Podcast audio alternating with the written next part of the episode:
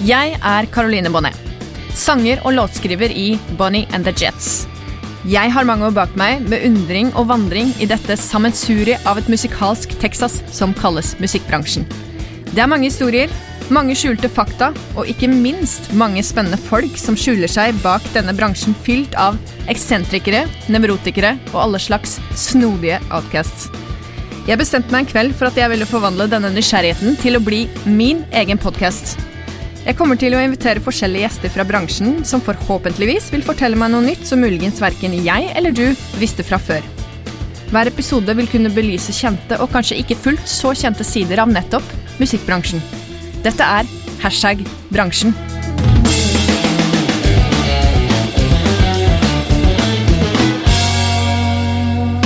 I dag har jeg med meg eh, en låtskriver og musiker som de fleste kjenner til. Han debuterte som soloartist i 2015 med albumet 'Fremad i alle retninga' på Jansen plateproduksjon. Han ble nominert til hele tre Spellemannspriser for dette. Eh, I 2017 så vant han Spellemannspris for årets musikkvideo eh, til låta som, 'Som om himmelen revna'. Daniel Kvammen er gjest her i Lekerommet studio i dagens episode. Velkommen, Daniel. Tusen hjertelig takk. Veldig hyggelig. Veldig, veldig hyggelig å ha deg her. Og jeg har jo lest meg litt opp på ting du har gjort, og litt om ditt artisteri. Ja, uff a meg, det jeg ble, flau. jeg. Og jeg ser at det er noen som har beskrevet at du som artist er som om Lars Winnebekk eller Håkan Hellstrøm reinkarnerte en plass innerst i Bygde-Norge. Oi, er det noen som har skrevet det? ja, Ja, det høres ut som et presseskriv, ja. Ja, det syns jeg var veldig, veldig fint eh, og gøy skrevet. ja. ja eh, var det passa den jeg, Ja, det er jo kanskje ikke så dumt, altså. Nei. Nei, det er nok eh, Det er nok eh, noe i Ja. Iallfall ambisjonene som ligna Ja, på det. Ja, ja. Kult. Rett og slett.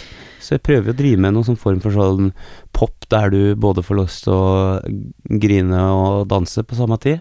Skrike Det- og skrike og alt det der. Ja. Nei, men det er fint. Eh, du har jo utrolig fin dialekt, det må jeg si.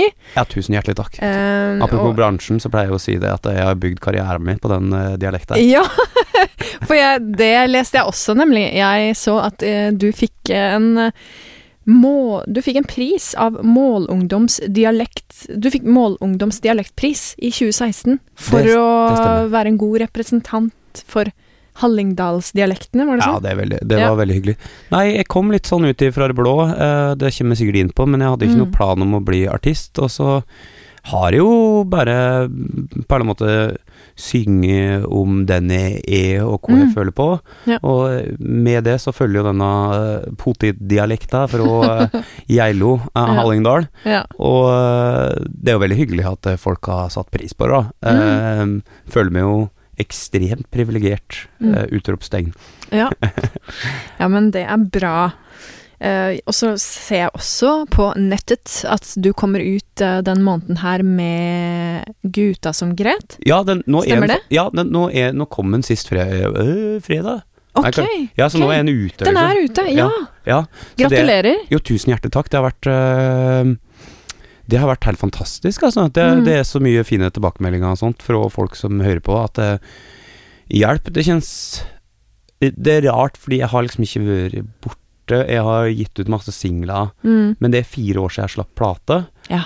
Uh, så det kjennes jo på en måte som et sånt uh, comeback på en eller annen måte. Og Ja. um, veldig Jeg tror det, det eneste jeg kan si, er at jeg er sånn ekstremt stolt av den plata. Jeg har liksom Mm. jobba kjempemasse med den, Ja. og tror den er skikkelig bra. Ja, det tror jeg også. Den skal jeg virkelig sjekke ut. Um, fordi det er jo noe spesielt med plate, altså albumformatet. Det er jo noe eget ved det å samle flere låter, ikke sant? Og gjøre det til en sånn Ja, virkelig. e greie. Ja, virkelig. Mm. Jeg, jeg sverga jo fortsatt til det, og Men jeg sverga nok til, til et liksom der nytt plateformat som jeg tror egentlig ikke folk helt har sånn begynt å graspe. Jeg tror den, Mm. altså Foregangsløperen er jo egentlig Kanye, som driver Jeg har begynt å tenke på plata um, som en på en måte Hvis jeg tenker at uh, Fordi nå er det sånn at alle skal slippe singler, og jeg Mm. driver jo for så vidt med eh, Med popmusikk, så jeg prøver på en måte å eh, Hva skal jeg si? Hvis vi skal prate bransje, så prøver jeg å liksom være med på de tinga som gjør at folk skal på en måte um, være interessert i uh, mitt prosjekt. Så Ja. um, for min del så er jeg jo liksom Jeg elsker musikk. Mm. Uh, det er alt jeg bryr meg om. Mm. Og, men som jeg prata med Joakim Trier om, fordi jeg traff han på gata her en dagen, Mm. så ble vi stående og prate, og så sa han sånn Så begynte vi å prate om det der med, med om å lage noe kunst, og så sier han at eh, Ja, fordi det er rart noen som Fordi han slapp film nå nylig, Ja. eh, og så sa jeg at jeg hadde slapp plate, og så pratet man om dette og liksom det å slippe noe, og så sa han Ja, for det er rart, fordi du kan sitte og jobbe med det så mye du vil, og dette Vi blei veldig enige om at eh, for min del så er det slik at eh, Og det er sånn han kanskje ikke skal si, fordi, sånne, fordi det er liksom nok sånn Folk føler at det er kommersielt på en sånn litt sånn ekkel måte, men okay. jeg mener helt oppriktig at det, for meg så er det liksom Det er ikke ordentlig musikk, og det er ikke ordentlig kunst, eller det er liksom ikke noe før, en stå, før det har møtt et annet menneske. Så, Mm. så det som på en måte er drivkraften for meg, er jo at noen på en måte skal finne glede i det jeg driver med. Mm. Jeg har jeg har det helt Jeg elsker å jobbe i studio, det er kanskje det jeg liker best. Så den Mm. kreative prosessen i seg sjøl er helt er kjempeviktig, men jeg tror ikke det får sånn ekte verdi for meg før jeg slipper det. Mm. Og i forlengelse til det, så ligger jo dette med plate eller singler. Mm. Og jeg tror nok jeg har bare begynt å tenke på plateformatet som en sånn um, Som en At det er målstreken, hvis du skjønner? Ja. At det er mer sånn At ei plate er ikke lenger den der ene tingen som en slipper, og så skal det treffe folk i fjeset, Mm. men det er på en måte målstreken. Du slipper én og én låt, Mm. og så kanskje så er liksom plata på en måte forhåpentligvis et sånt uh, En høgdare på slutten, da, Ja. der du får alt det Mm. der som på en måte du får helheten. To streker under svaret. Da gir det liksom mening, hele Ja. pakka, Ja. på et vis. Og sånn har jeg begynt å tenke på plata, og Mm. det er nesten sånn at jeg, Nå skal jeg ikke fortelle for mye, men det er jo sånn at en Apropos Kanye, det er jo ikke sånn at Mm. plata trenger å være ferdig en gang når du slipper den. Nei. Ja, Så det er. Ja, det er veldig Ja. sånn Det ligger noe Det ligger kanskje noen ting Det har kanskje blitt lagt ut noen følere på at kanskje den plata blir enda lengre på et eller annet tidspunkt. Mm. Så det Jeg syns jo det er et veldig sånn eh, fascinerende å jobbe med Én ting er liksom plata som kunstnerisk verk Mm. fra A til Å, men nå når en lever i en Spotify-verden, Mm. så kan en på en måte Det infinite, da. Du kan egentlig bestemme sjøl når det er ferdig. Ja, det er en eh, ny måte å tenke, tenke rundt plateformatet på, som er veldig interessant, da. Som du sier at digitale verden gir jo litt mer muligheter. Det er jo ikke bare begrensninger, på en måte. Nei, det er akkurat det, og jeg Mm. trykker fortsatt Jeg har trykt opp nye plater mi på vinyl, og den er jo konstant, da. Mm. Sånn var den når den kom ut, men det er klart at det eh, Den fæle måten å si det på, som kommer til å gjøre vondt for alle som elsker vinyl og sånt, og Mm. det beklager jeg, men er jo at det er som ei spilleliste, som du kan på en måte bytte på rekkefølga og Mm. Jeg så for eksempel Håkan slapp ei plate for et par år siden der Mm. rekkefølga var helt forskjellig på vinyl og på, eh, på digitalt. Ok. Ja, det syns jeg var spennende. Ja. Hva er grunnen til det, liksom? Ja. Uh, og ja. Det er eh, uendelige muligheter, da. Ja. Når det er uh, internettet som råder. ja, virkelig. Mm. Så det er spennende, altså. Spennende. Men hva tenker du når jeg sier hashtag bransjen? Får du noen assosiasjoner? Ja, jeg får litt sånn herre For å være Jeg er nok en relativt sånn Jeg får litt sånn Jeg får litt uh, Olme assosiasjoner til å stå på bylarm, med eh, lunka øl bakerst og liksom sånn stå Uh, Stå liksom sånn vis-à-vis Audun Winger eller et av de der uh, chommian, Ja. og liksom sånn olme på et band og liksom Mm. er det bra nok, er det ikke bra nok? Det, det er liksom Mm. første som slår meg. Ja, ja men det syns jeg var en veldig sånn Jeg fikk et eh, godt visuelt eh, bilde i hodet der. Ja, Mm. så jeg vil nok eh, jeg, jeg ser for meg diverse sånne bransjetreff eh, med eh, noe litt sånn eh, Noe sponsa Red Bull og noe Kanskje Ja, det er gratis øl, da. Og så er det Folk som uh, nikka litt sånn anerkjennende Mm. eller rista litt på huet, og så står Ja. noen og prater drit om noen, og andre er jævlig drita, og det er han som er drita full. Um, nei, Ja. sånn bittersøt sånn Mm. Og så er det viktig for meg å si at um, jeg har nok vært med på ganske mye bransjeting. Jeg flytta til Oslo og ble artist, og syntes det var moro å liksom gå rundt og treffe alle disse folka. Ja, ja. Syns jo dette var helt sånn fantastisk å Mm. kunne treffe folk som eh, lever og ånder for det de driver med. Mm. Så jeg har vært ganske mye med på de tingene her, altså, opp igjennom. ja, ja. Uh, Det er jo mange som har det. Uh, For da kommer vi egentlig litt inn på det neste jeg skulle spørre deg om. Ja. Hva var det som definerte din inntreden i musikkbransjen? Har du noen sånn spesiell uh, historie eller spesielt minne til når du følte at jøss, nå er jeg liksom Nå er jeg virkelig vil i musikkbransjen? det vil jeg absolutt påstå. Mm. jeg føler at jeg har, egentlig har en ganske sånn egen historie der.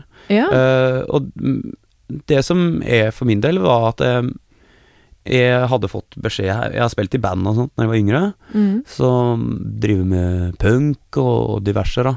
Eh, men eh, det gikk ikke så bra, det. Eh, vi, uh, trodde vi skulle ta over verden, men det viste seg at vi hadde sju fans. så det eh, Sju. ja. Akkurat sju. Ja. Så musikkarrieren min slutta på gamle garasje i Oslo.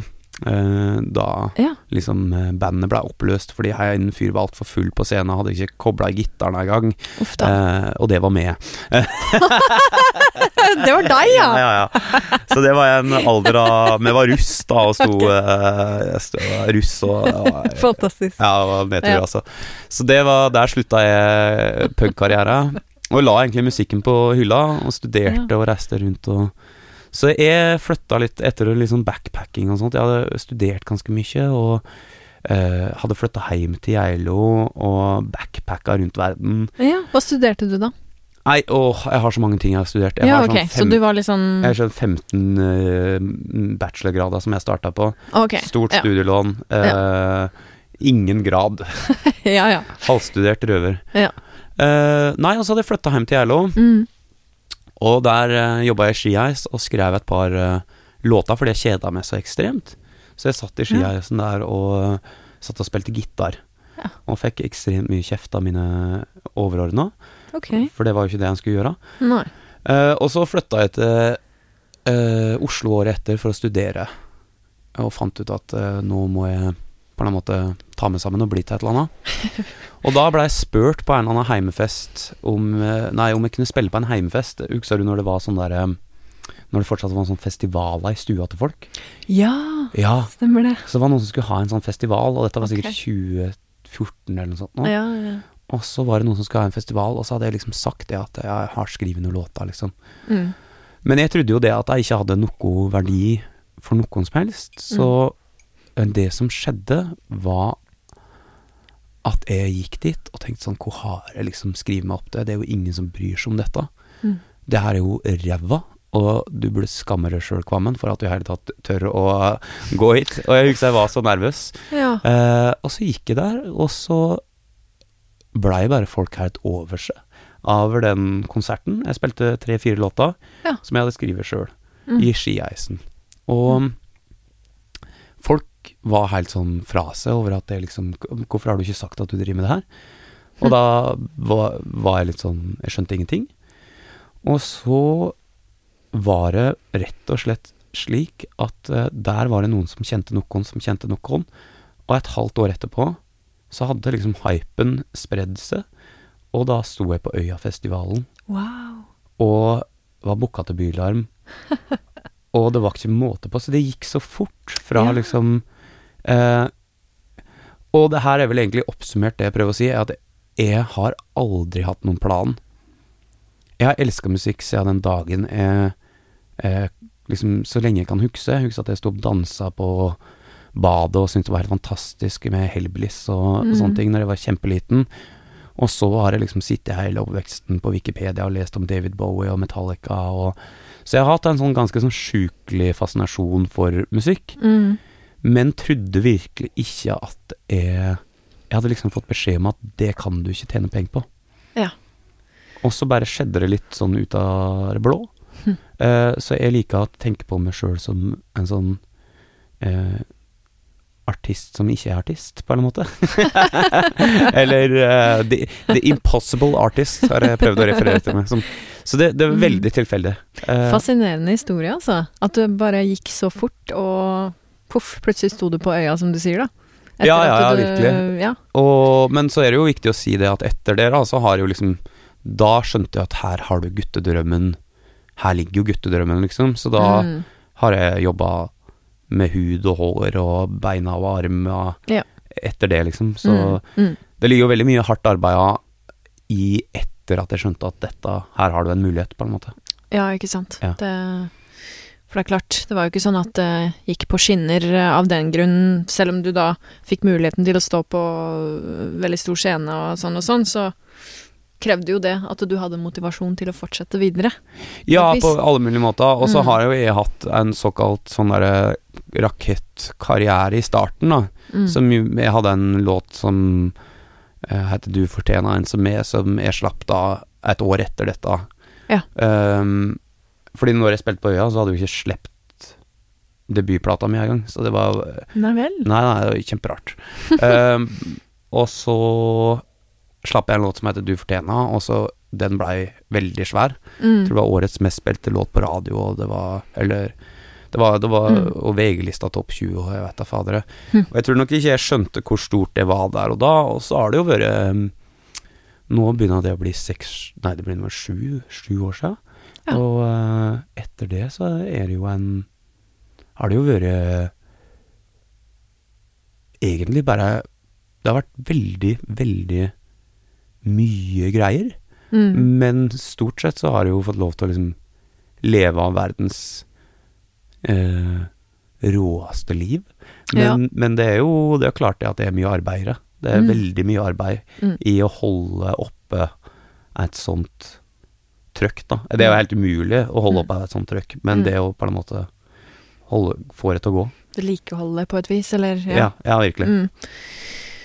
Holde karrieren sin bærekraft, eller det hva du vil. Mm. Ja, virkelig. Eh, Mm. Det har jeg mange tanker om, men jeg vet ikke om eh, Mm. Eh, Nei, det er interessant sånn der Jeg vet ikke, sånn Jeg vet ikke hva du mener om det, men eh, Det å holde det bærekraftig det, det kommer jo ikke av noe annet Og det tror jeg skjønte ganske tidlig. Liksom, jeg fikk jo møte da liksom folk som jeg så opp til, alt fra liksom Lars Lillo og Mm. Odd og alle de folka som jeg syns er helt fantastiske. Ja.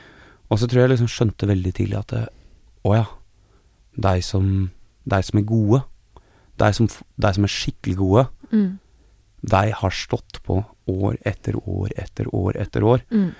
Og det er nok noe som går igjen eh, eh, I min erfaring, da, hvis en ser det fra alt fra Carpe Diem, faktisk, som Mm. jeg nå tenker på som en sånn derre Å, fy fader, de har vært megasvære hele tida. Men Mm. da, det er jo ikke sant. Altså, de, de, det er jo eh, De drev på i ti år, før det liksom eksploderte. ja, ikke sant. Um, Heter de Karpe nå? Ja, nå heter det kanskje Karpe, ja. Karpe. Jeg er ikke ung nok til å Jeg husker det som jeg. ja, men jeg også gjør det. Ja. Ja. Uh, nei, og Odd og Eva Wehl Skram og alle disse artistene som en Mm. i dag kjenner som sånn folkekjære, Mm. det er jo ofte artister som på en måte har stått på Ja. ti, år etter år etter år etter år. Mm. Så for min del så har jeg nok hatt veldig sånn Har jobba veldig hardt for at det skal på en måte holdes oppe på et nivå der det er moro, eller der folk fortsatt bryr seg. Ja Du har jo reist mye rundt og spilt musikken din, og sist nå ganske nylig i forbindelse med albumslippet. Um, har du en spesiell historie fra turnélivet hvor du som jeg liker å kalle for hashtag bransjen-historie. Altså noen spesiell opplevelse som du bare tenkte Ja, dette kunne vel ikke skjedd noe annet sted enn i musikkbransjen.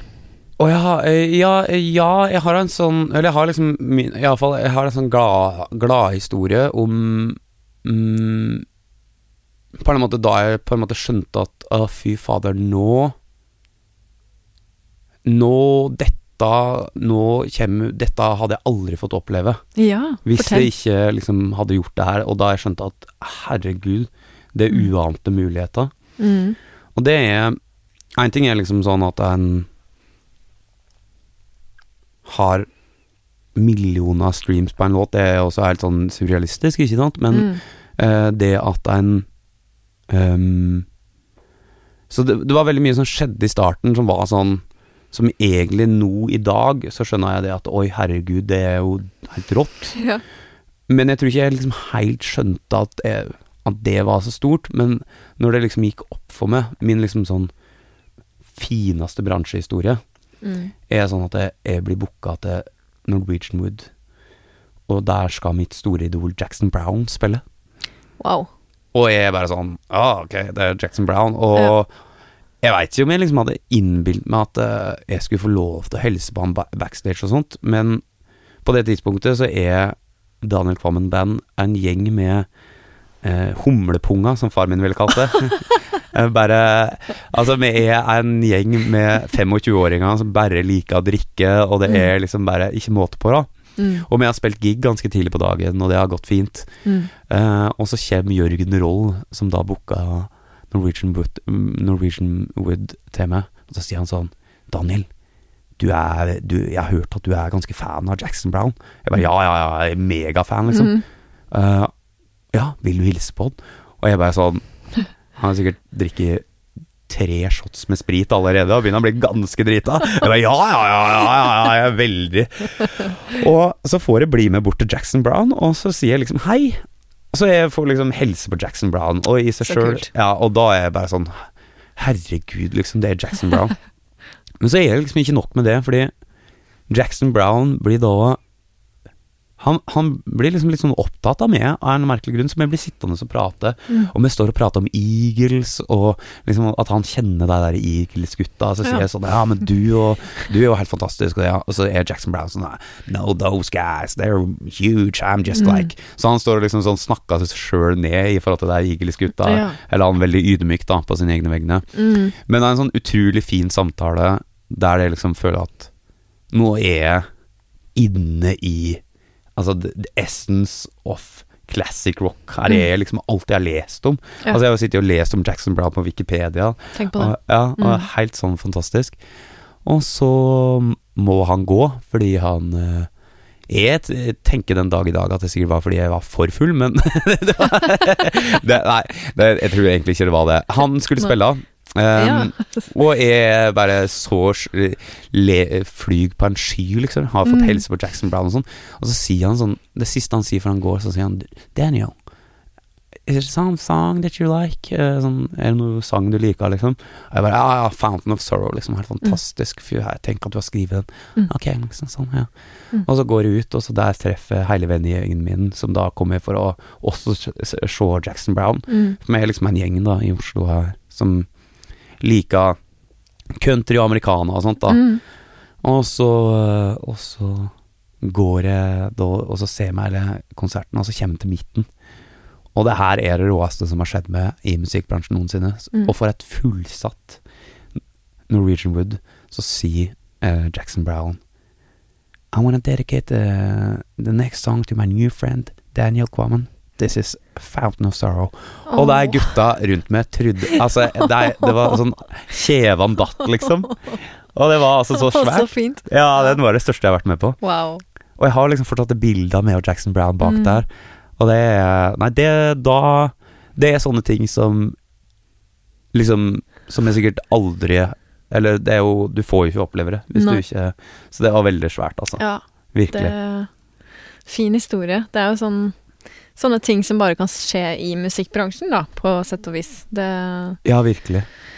Eh, og veldig sånn Det er jo den fantastiske sida av musikkbransjen. Da. Jeg, mm. jeg har jo liksom prata litt om det nå rundt den Gutta som gret-plata som kom. eh, Ja. At eh, jeg kanskje syns også det var litt vanskelig, fordi jeg, det blei litt mye der på et eller annet tidspunkt. Altså Tenker du da når du slo gjennom, eller? Ja, Ja. rett og slett. Litt Mm. mye sånn det gikk sånn i 300 Ja. hele, hele tida. Så våkna jeg opp en dag, og så var det slutt med dama, og så Mm. eh, ringte jeg til kompisene mine, og så var det litt sånn Nei, men du har ikke ringt på et halvt år. Og så Mm. eh, ringte jeg til mutter'n, og så var hun helt fra seg, for hun lurte på om det gikk bra med meg. Mm. Og litt sånn våkna opp en dag og skjønte at å, herregud, du må jo ta vare på det viktige tinga i livet, til tross for at du Mm. eh, elska musikk og elska hele den sfæren. Mm. Så jeg var nok veldig, en, ganske sånn veldig delaktig i bransjen, for å si det på den måten. Ja, ja. Eh, um, og skjønte det at jeg kanskje var litt for delaktig. Mm. Eh, men, men til tross for at jeg prata mye om det i det siste, og det pleier jeg alltid å si at eh, Da tok jeg liksom et litt sånn oppgjør med meg sjøl da, og eh, lever en litt sånn sunnere fri, eh, livsstil i dag. Mm. Men til tross for alt det der, så må jeg si det at det, sånne folk som sier sånn um, Det å være musiker, og da i forlengelse til det være en del av bransjen, Ja. det er bare jævlig, og det er sånn Det er noen forbanna idioter. Ja. det, Ja. Uh, fordi det er liksom sånn Jeg ville ikke bytta bort Jeg ville ikke bytta bort å være Å få lov til å drive med det jeg driver med, Nei. et jævla sekund, til tross for alt sånn eh, Alle sånne utfordringer en har møtt på veien. Mm. Og jeg syns det er det som er liksom sånn Ja. Nei, det, det er liksom sånn Det er musikkbransjen som den er Jeg tror det er en, he- en hemmelighet som en burde fortelle til alle der ute, at eh, hvis en noen gang skal gå inn igjen, så Mm. Det er en berg-og-dal-bane, og det betyr at eh, eh, det går opp og ned, og det det, det røsker på, liksom. Mm. Eh, og de som har lyst til å være med på det, de må tåle at eh, du kommer ut og er litt sånn Du veit ikke om det var moro, eller Mm. eh, Altså, det, det rister, liksom. Ja. Jeg føler det er litt sånn ekstremversjon av livet, ja, kanskje det. på et vis. Hvor legger du det, da? Nei, at det liksom er sånn Det meste er mye mer intenst, da. Så når man da Hvis man har opplevd noe vondt eller heftig sånn i livet ellers, så har man jo som låtskriver stort sett behov for å få det ut. Ja, ja, Ved å skrive om det. Så da blir det på en måte der og da kanskje enda mer intenst, fordi man da skriver seg inn i den smerten, eller skriver seg ut av smerten, eller kall det hva du vil. Men uh, så blir det på en måte enda bedre etterpå, for da har man fått prosessert sorgen eller lidelsen eller hva det nå enn har vært man har vært gjennom, på Ja. en uh, veldig sunn måte, da. Fordi det å skape noe ut av erfaringer er jo egentlig det sunneste man kan gjøre, sånn i forhold til mental helse, i hvert fall. Absolutt. Og så er det jo eh, Jeg må aldri glemme det, og det her har jeg, sagt, har jeg aldri sagt offentlig før, men det, jeg det i en sånn bransjepodkast, så kan jeg si det at jeg, jeg må aldri glemme det at eh, musikkbransjen er jo en plass som tiltrekker ekstremt mye følsomme mennesker. Oh yes! Og det er jo Altså, det er jo virkelig eksplosiv materie vi Ja. prater om. Ja. Så det er liksom sånn øh, Jeg tror for meg så er det å skape den interne prosessen, der merker jeg at det blir mye mer og mer sånn Der lager jeg mine bånd, og er veldig opptatt av å jobbe med deg jeg liker å jobbe med, og sånne Mm. ting. Men men bransjen som helhet kan jeg synes at det er slitsom, altså. Fordi Mm. at det, det er så og det, Men det er så Det er mye Jeg har vel sagt det, jeg vet ikke, om- jeg vet ikke om jeg mm, tør å si dette, men jeg, nå har jeg tenkt Nå gjør jeg det. Ja, så fint. Jeg føler at musikkbransjen tiltrekker de beste og de verste folka i hele Ja. Eh, og det er på en måte sånn Det, det jeg mener med det, det er ikke å si at det, jeg syns det er så mye dårlige folk, det syns jeg ikke. Men jeg tror at det, det, det bringer iallfall fram det verste og beste i folk. Og Mm. det er mm, Det bringer fram en, en, en evne til å formidle fantastiske ting. Det er så mye bra folk som står Mm. på for det de brenner for. Lidenskap, og de Men så er det også liksom når en tar så mye følsomme folk, og det er skuffelser, og det er eh, Mm. topper, og det er bunner, så Mm. fører det også til at eh, eh, det er jo mye skjebner, da. Det er liksom Det er mye knuffing. Ja. Uh, og så jeg syns liksom musikkbransjen kan være en liksom vanskelig plass å være. Uh, fordi det er så mye følelser, og det er så mye Mm. Og jeg er en av de folka uh, sjøl, men jeg prøver iallfall å rydde opp i det på egen på egen heime, heime På egen plattform.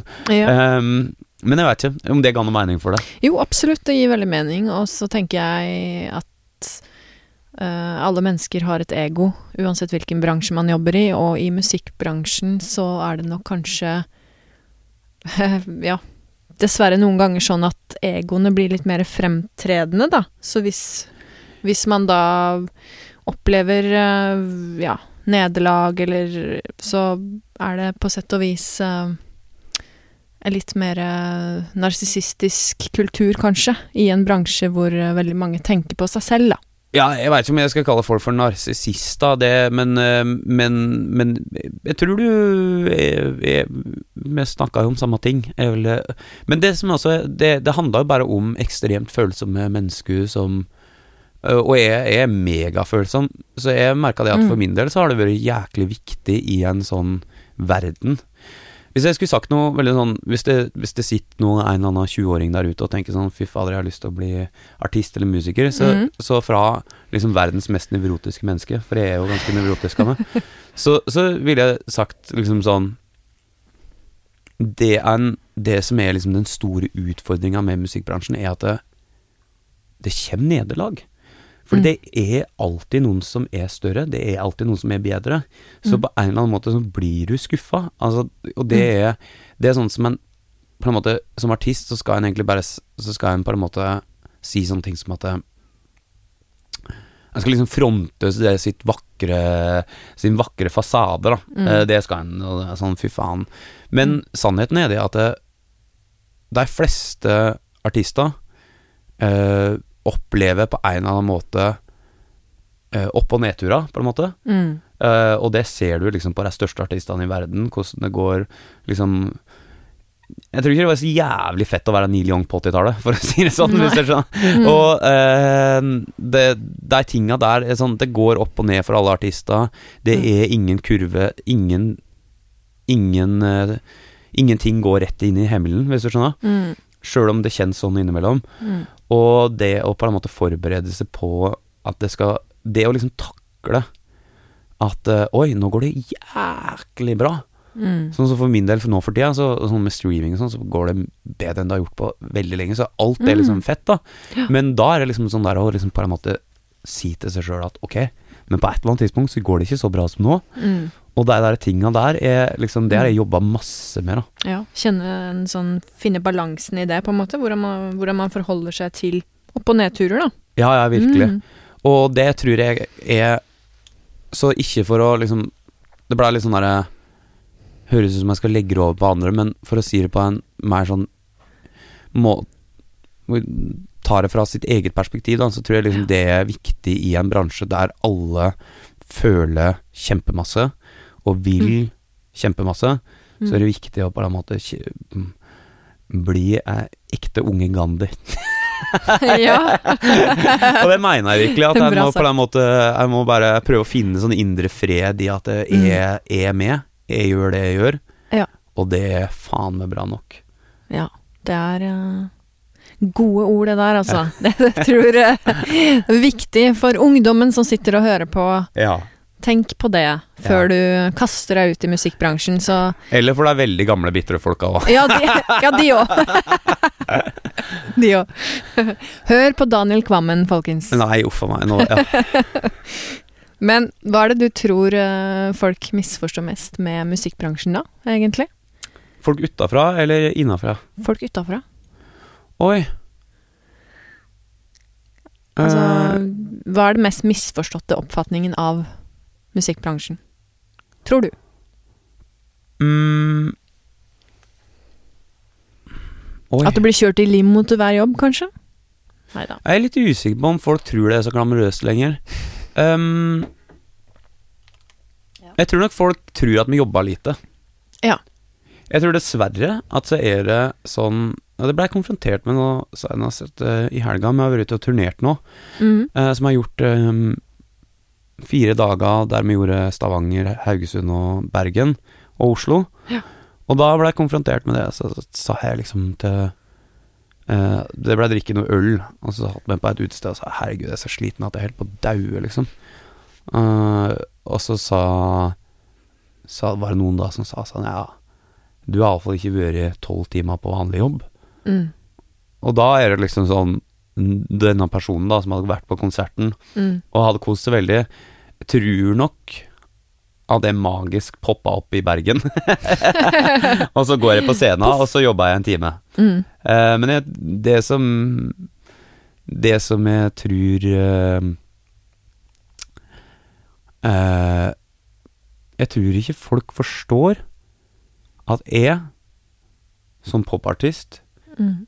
minimum jobba tolv timer hver dag. Nei. Og det mener jeg virkelig. Jeg jobba altså så intenst mye Mm. med eh, live-ting, med innspilling, Mm. med hvordan plata mi skal se ut, hvem som skal se, selge den plata når den er ferdig, Ja. alle de tinga der. Mm. Og jeg mener virkelig at til, til, til større Til bedre jeg blir, og til større jeg blir, til mer og mer blir å gjøre. Og det er en 150% jobb, altså. Mm. Og det tror jeg det er vanskelig for folk, fordi jeg tror ikke de skjønner Det er litt sånn som før så sa en ja, jeg jeg er ingeniør, sånn så var en sånn Hva Mm. betyr egentlig ingeniør, liksom? Mm. Ja, nei, liksom eh, Mm. det, det er litt som å si sånn Jeg er rådgiver. Ja. Ok, hva faen gjør du da, liksom? Du, Mm. du, rå, eller, ja, du Mm. skjønner de titlene der. Sånn er det å være musiker, der folk liksom på en måte Jeg tror ikke de helt forstår at det er ni til fire-jobb, og at det, Mm.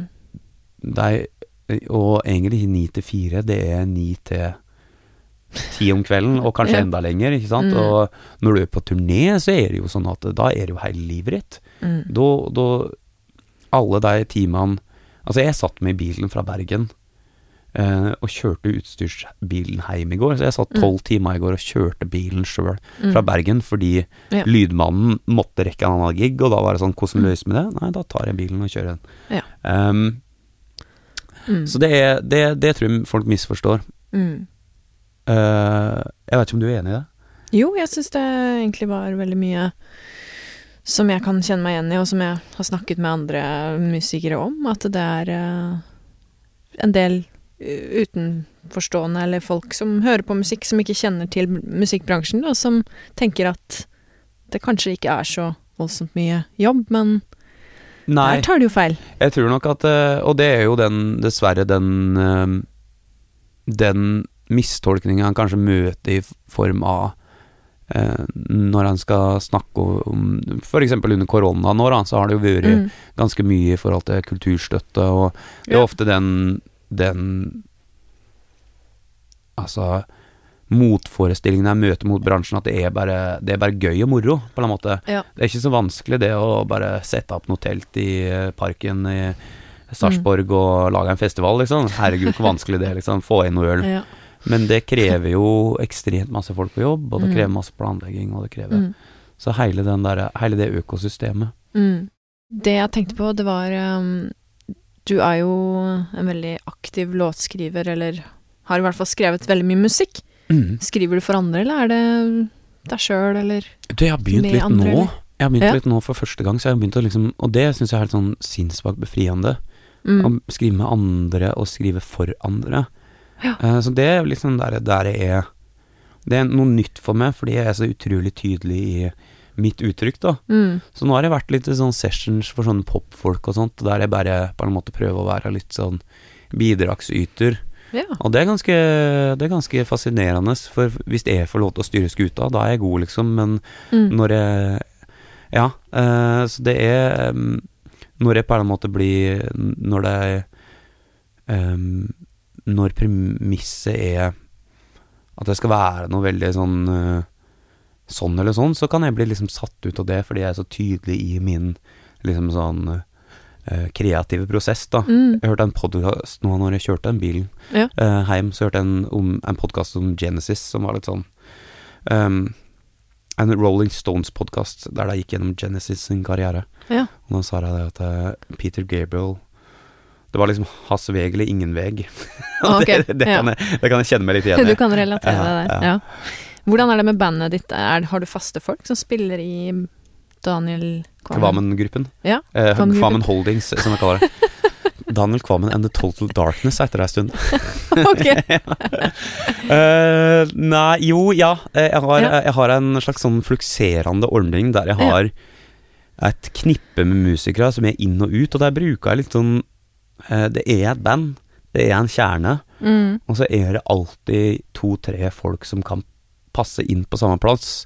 Og så, så jeg, jeg er litt sånn jeg har to på Keys som jeg sverga til, liksom. De er Mm. liksom mine folk. Ja. Eh, og så har jeg det samme på gitar og bass. Og, så, så det er litt sånn Jeg liker nok Jeg tenker på deg som mitt band, Mm.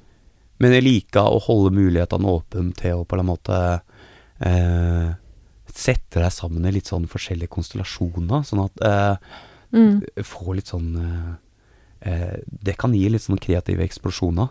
Ja. Eh, og sette forskjellige av der folka sammen. Og, så det er ofte Mm. liksom litt sånn fram og tilbake hvem vi har med på turné, men det er alltid liksom en gruppe av de samme folka. Ja. Mm. Men um, tilbake til låtskriving. Uh, jeg syns jo du skriver veldig bra låter. Jo, tusen Eh, hjertelig takk, det var veldig hyggelig. Og du skriver kun på norsk, eller skriver du engelske tekster også? Nå, nei, jeg skriver kun på norsk. Ja. Foreløpig. Ja. Og hvis jeg skulle skrive på engelsk, så skulle det være til noen andre.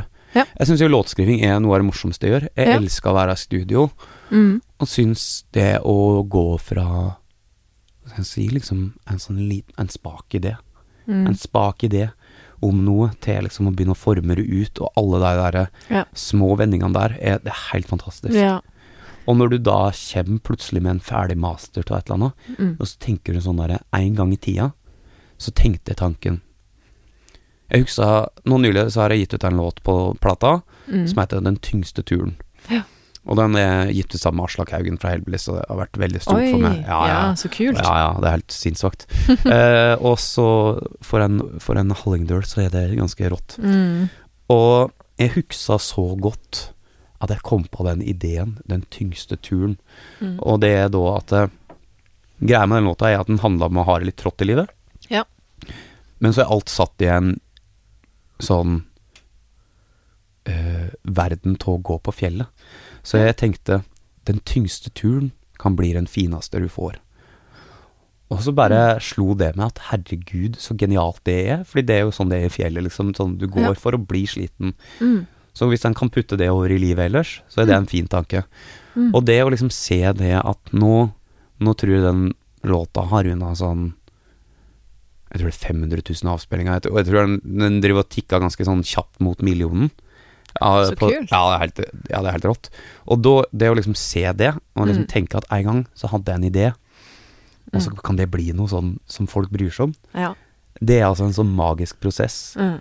som jeg syns er helt fantastisk. Ja. Men eh, jeg vet ikke, det er jo du som skriver låta, det er jo et eh, evig virvar av ideer. Eller Det er det jo. Ja. Ja. Absolutt. Altså, det er jo plutselig så Man må jo ha en notatblokk eller whatever til å skrive ned, eller eller en sånn opptaker. Det har sikkert du også, at du bruker mobilen til å ta opp ting, eller Ja, ja, ja. du får impulser og må liksom få det ned.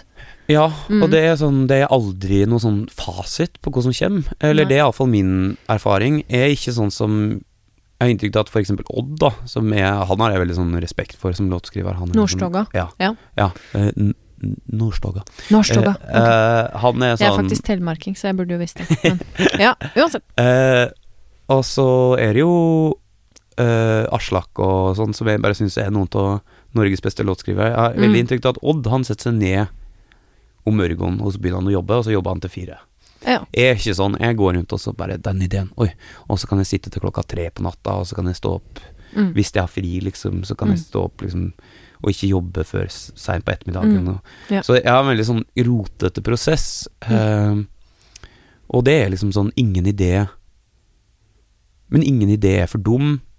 Og jeg er veldig sånn dedikert til at hvis ideen er sterk nok, uansett hvor typete den er, Mm. uansett hvor sånn teit den måtte være, hvis det er tru på den ideen, så skal den gjennomføres, liksom.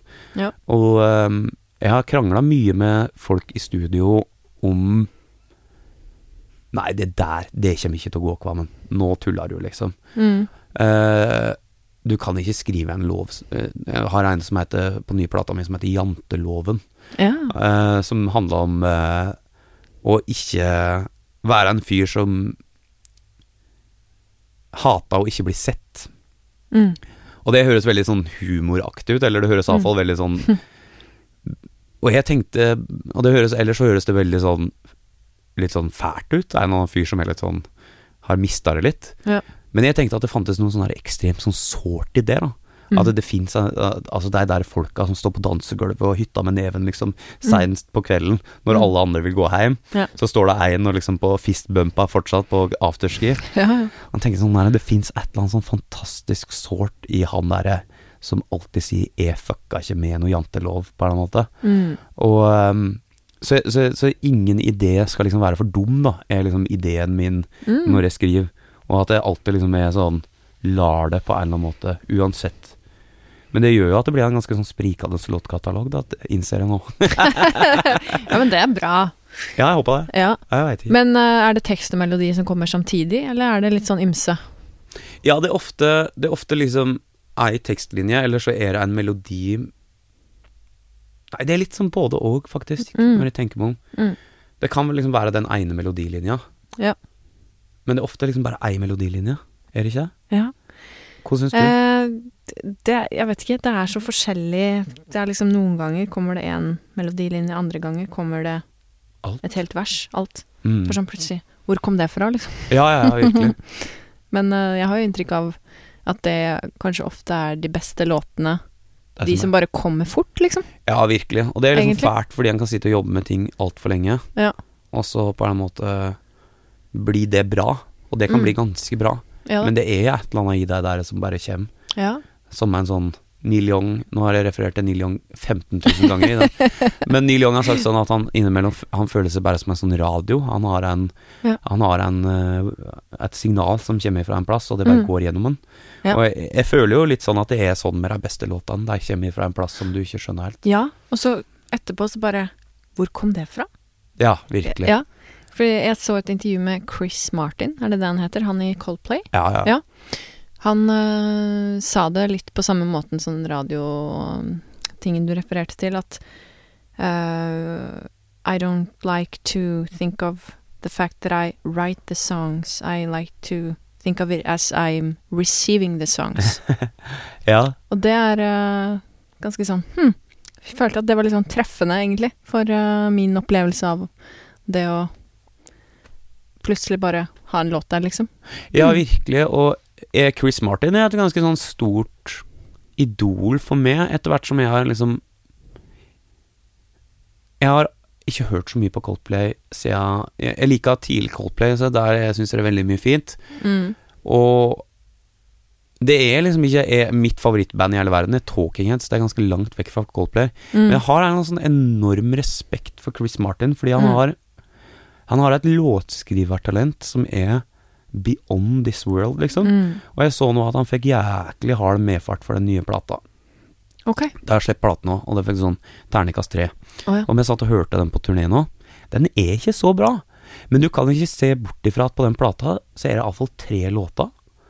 Altså, den plata er ganske sånn Han De prøver hardt på å være populære, liksom. Det er Mm. ingen tvil om det. Mm. Og det er litt sånn usmakelig, kanskje. Mm. Uh, for all del. Og det er veldig sånn Det som på en måte ikke fungerer, bærer så enormt preg av at jeg har så lyst til at det skal fungere. du ja. Men så er det tre låter på den plata som bare er out of this world, liksom. Som Ja. er sånn Som Det er liksom Allerede har streama 100 millioner ganger. Mm. Fordi det er liksom Altså, han har nå i 20 år levert Og det er der kanskje Mm. det her respekten kommer fra. Mm. I 20 år så har Coldplay vært et av verdens mest relevante band. Mm. Et av verdens største band, iallfall. Ja. Og det er syns jeg er en sinnssvak greie. Og så gjør det kanskje litt vondt når Coldplay gjør liksom en sånn eh, duett med et k-pop-band, for du skjønner at det er så gjennomkommersialisert. Da, At å, oh, fy fader, nå k-pop er størst i verden. Da skal vi gjøre en sånn Mm. collab med BTS, som er liksom Men, Ja. men eh, jeg veit ikke. Jeg syns det er noe sånn fascinerende med en sånn låtskriver som han, som Mm. bare Ja, ja, eh, leverer fra en annen verden, altså. Absolutt. Men hvis du ser, um, ser på din uh, reise i musikkbransjen så langt, da, har du noen spesielle råd du ville gitt deg sjøl? Sånn på starten av Hva heter det? Karrieren. Karrieren. Takk. Ja, kanskje ta det litt mer med ro. Det er jo den korte beskjeden. Sånn, vær litt snillere med deg sjøl. Ikke Mm. Er jo er ganske Jeg jobba ganske hardt og vil veldig mye. Mm. Så det er bare sånn personlig at jeg kanskje kan ha litt godt av å slappe litt av. Mm. Men for å knyte knute den litt, så føler jeg at jeg har vært inne på noe som er ehm, har litt lyst til å si, som på veggene av eh, eh, min mening om bransjen, og det går liksom på min egen hvordan jeg sjøl får helt meg til ting, men Mm. apropos med å prate om hvor hvor folk utafra misforstår med musikkbransjen. Ja. Og da satt jeg Fordi jeg fikk jo noen spørsmål på forhånd her, Ja. og jeg tenkte litt på Jeg, jeg tenkte det Koere liksom folk i bransjen misforstår, tenkte jeg på da. Så jeg ja, det er også interessant. Ja, så jeg misforsto det litt, men det er liksom egentlig det samme som det rådet jeg ville gitt til meg sjøl når jeg Mm. var eh, ung og starta. Mm. Og det er Og det går også på det vi nettopp prata om med Chris Martin. Jeg må si at jeg tror at i den verden vi lever i nå, så må folk gi litt mer faen. Ja. Og det, det har jeg en litt sånn sånn herre Det er iallfall der jeg er i livet nå, at jeg merker at jeg, jeg føler at musikkbransjen er ganske sånn opptatt av Fortsatt er litt opptatt av å være mystisk, ikke sant? Å være kredibel og alt det Mm. der. Og jeg tror bare verden har blitt Det er så mye informasjon i verden. Ja. Og det er så mye som skjer.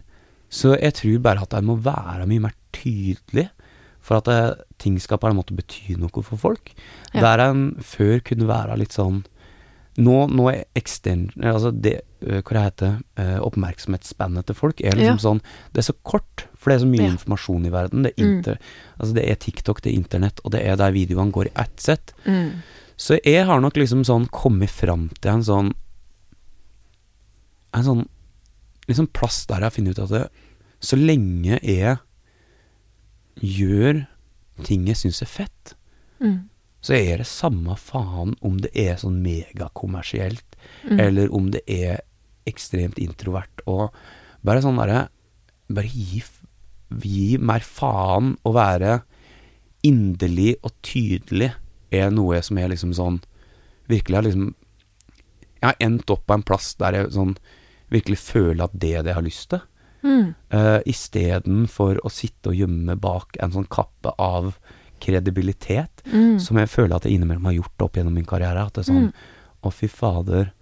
Og dette er med Jeg har jo jobba mye med Even, eh, som eh, en fyr som har produsert mine eh, første plate, som jeg elska overalt på jord. Mm. Even Ormestad.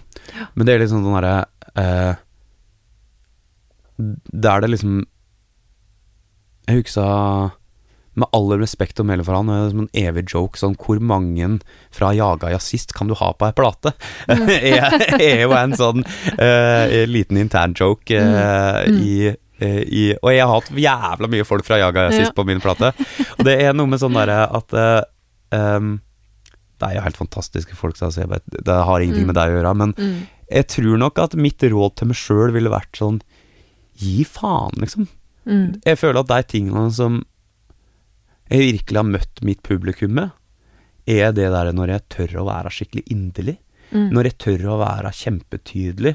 Ja. Når jeg tør å ikke være altfor kul. Mm.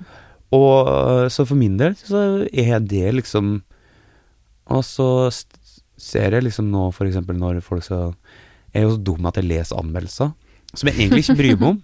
Men Ja, altså, der jeg kan lese at det liksom sånn Å ja, den der låta 'Den tyngste turen' Det var noen som kalte den at den var liksom sånn sjølhjelps... Ja. Eh, Sjølhjelpstematikk. Ok. Og det er fordi at Trygve Skau har hjulpet til med to linjer på den låta. Oh, ja. uh, så jeg tror da jeg tenker at uh, det sånn Trygve Skau uh, At det, han får jo Han er, jeg elsker Trygve, så Mm. ja, samme her. han kan jo få fra sånne ekstremt sånn kredible folk, så, så mener at det liksom ikke er bra nok. Han har jo fått litt tyn i Morgenbladet og sånt. Oh, ja. okay. Jeg vet ikke om du har fått med det, men Nei, jeg har ikke det. Og da vil jeg bare si til deg folka, for noe forbanna piss! Ja, helt enig. altså, herregud. Og det her mener jeg helt oppriktig. Mm. Sånn, skal sånn kritisere ting som betyr noe for folk. Og det, det Mm. syns jeg sånn, Det syns jeg Jeg merka det at den tyngste turen Det var noen som kalte den som en sånn sjølhjelpsgreie. Mm. Og så tenkte jeg sånn For, for en smålitt Altså, og det, Mm. når, når jeg reiser rundt og spiller den nå, så bare Mm. merker jeg at å, herregud, her har jeg turt, da. Her har jeg for en gangs skyld turt å være sånn megatydelig. Mm. Og så er det jo det folk Folk syns det er helt fantastisk. Mm. Og det er så stort når det på en måte får lov til å bli et eller annet for folk, da. Så jeg merka det. det. Jeg tror det er mitt korte. Vær mer inderlig. Gi mer Mm. faen. Ja. Og ikke tenk så mye på hva som er fett. For det fett er ikke nødvendigvis så fett. Mm. Det syns jeg var en eh, veldig fin avslutning på eh, praten vår, Daniel. Ja. Tusen takk for at du tok deg tid til å skravle med meg her i lekerommet. Jo, tusen hjertelig takk for at jeg fikk komme. Så skal jeg definitivt sjekke ut uh, den nye musikken din. Ja, tusen takk. Den er etter min mening det beste jeg har gjort. Ja, Og da er den sikkert kjempeinderlig, så det, det liker vi. Og takk for at du hører på hashtag bransjen.